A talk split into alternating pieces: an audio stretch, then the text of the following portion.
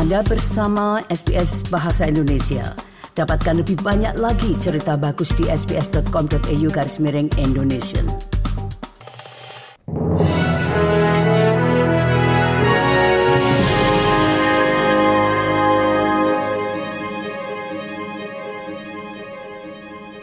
Berita selengkapnya. Pasukan Israel telah melakukan serangan darat terbesar mereka di Gaza dalam perang 20 harinya dengan Hamas semalam. Perdana Menteri Benjamin Netanyahu mengatakan saat itu pasukan Israel masih mempersiapkan invasi darat penuh, sementara Amerika Serikat dan negara-negara lain mendesak Israel untuk menundanya karena khawatir hal ini dapat memicu permusuhan di front Timur Tengah lainnya. Badan PBB untuk Pengungsi Palestina, UNRWA, mengatakan mereka mungkin harus segera menghentikan operasi di Gaza jika tidak ada bahan bakar yang mencapai wilayah yang dikuasai Hamas di tengah kebutuhan yang sangat mendesak akan tempat berlindung, air, makanan, dan layanan medis. Juru bicara dari UNRWA, Juliet Tauma mengatakan bahan bakar dibutuhkan untuk berbagai layanan penting. We need fuel for the UN cars. We need fuel for the trucks to be able to go and bring the little supplies that are coming in. We also need it for water pumping station. We also needed desalination sta- stations. We need it for the bakeries that we've been supporting. we we need it for the vehicles that have been transporting wheat flour to the bakeries in, in Gaza. So all of this is on the brink and we might not be able to continue to do any of this. Pihak militer Israel mengatakan Hamas memiliki cadangan bahan bakar dalam jumlah besar yang dapat digunakan oleh rumah sakit. Menteri Luar Negeri Penny Wong menolak tuntutan Partai Hijau untuk mengecam pengepungan Israel atas Gaza sebagai kejahatan perang. Senator Partai Hijau Jordan Steele John meminta Senator Wong untuk mencap tindakan Israel ini sebagai contoh hukuman kolektif.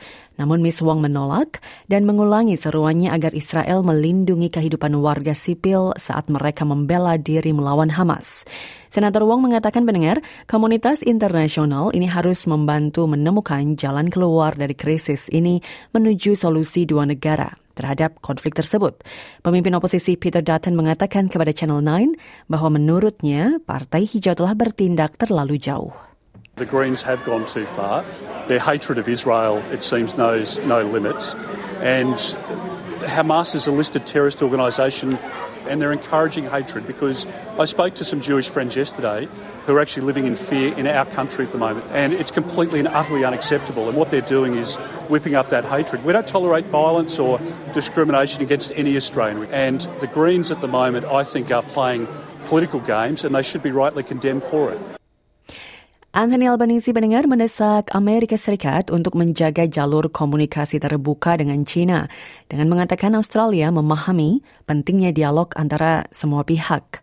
Perdana Menteri pada hari Kamis berpidato di jamuan makan siang kenegaraan yang diselenggarakan bersama oleh Wakil Presiden Amerika Serikat Kamala Harris dan Menteri Luar Negeri Anthony Blinken dalam kunjungannya ke Washington ketika hampir berakhir.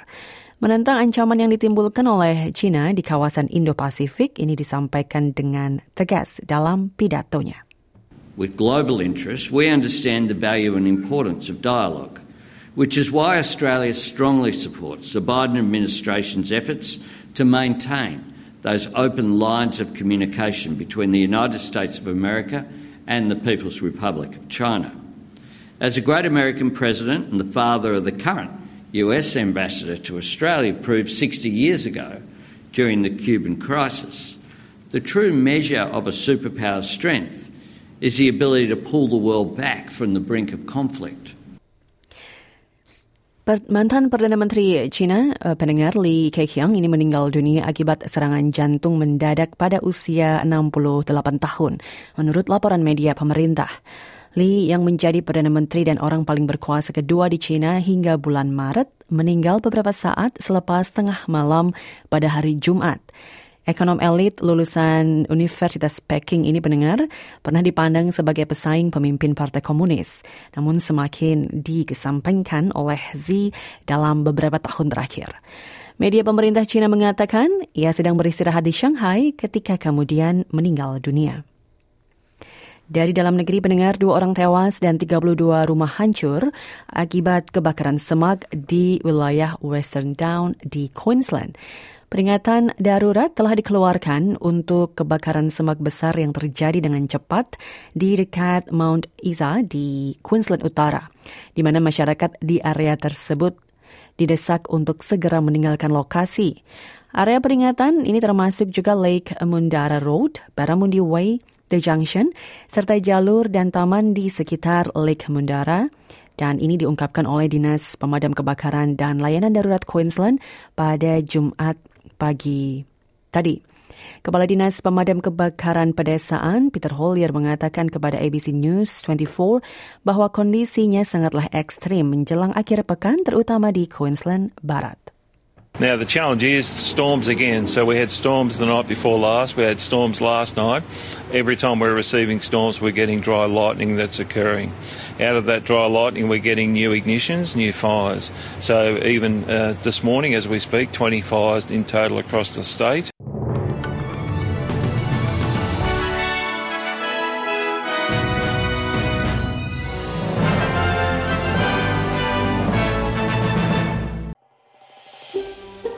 Anda ingin mendengar cerita-cerita seperti ini? Dengarkan di Apple Podcast, Google Podcast, Spotify, atau di mana pun Anda mendapatkan podcast Anda.